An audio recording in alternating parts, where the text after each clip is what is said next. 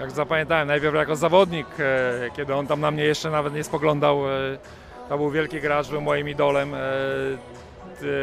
I miałem, cieszyłem się, że mogłem się spotkać po dwóch stronach siatki, przynajmniej otrzeć się od Tomka. No a potem sprawy się zmieniły. Od 2006 roku zaczęliśmy Tomek zaczął u nas pracować, komentować mecze, byliśmy na Mistrzostwach Świata Żeńskich. No, no i absolutnie pozytywna postać i tutaj nawet gdyby ktoś chciał coś wymyślić złego na Tomka, to w życiu nie wymyśli. Człowiek, człowiek e, legenda, tak jak się go nazywa i, i, i- po prostu niech tak zostanie. Co go wyróżniało na parkiecie? Ja jako przedstawiciel młodego pokolenia nie oglądałem tych meczów, ale pan z pewnością czerpał z niego. Tak, no przede wszystkim e, waleczność, jeśli chodzi o, o e, czysto siatkarskie rzeczy, to, to, to blok atak. No to był człowiek, mówili, e, najlepszy atakujący na świecie. On jako junior wskoczył do reprezentacji Polski, wyciągnięty przez Wagnera, był tym najmłodszym. Jako 20-latek zdobył Mistrzostwo Świata, no to o czymś mówi, wyciągnięty z juniorskiej drużyny.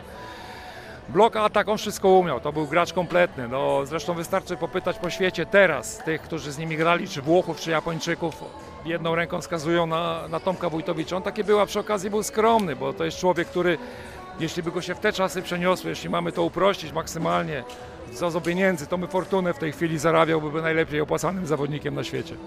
Profesjonalista na boisku, a potem za mikrofonem także. Tak, tak. Tomek w to wchodził spokojnie, też się z tym nie wychylał. Chciał się tego uczyć po prostu, bo to też nie jest tak łatwo przeskoczyć.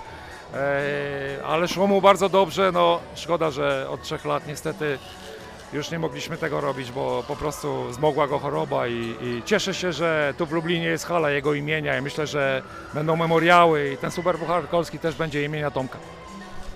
E, miał restaurację pan Tomasz w Lublinie. Rzeczywiście na co dzień dało się zauważyć, że jedzenie to taka też jego pasja. Tak, to była jego pasja. Też e, restauracja, znawca dobrych win, też znawca koni, bo też tutaj końmi się zajmował. To też była jego pasja. No w pewnym momencie to odłożył e, wszystko. E, też miał różne zawirowania w życiu. No teraz przyszło to zdrowotne, kiedy wszystko się poukładało w zasadzie. No ale cóż, takie jest życie, to nie my o tym decydujemy, prawda? A w restauracji pan był tutaj w Lublinie? Tak, byłem, byłem, to dawno było zaproszony, tutaj byłem specjalnie, także wiem, e, poznałem to wszystko i, i też parę rzeczy ciekawych się od tej strony dowiedziałem od Tomka. I smakowało. Tak jest, jak najbardziej.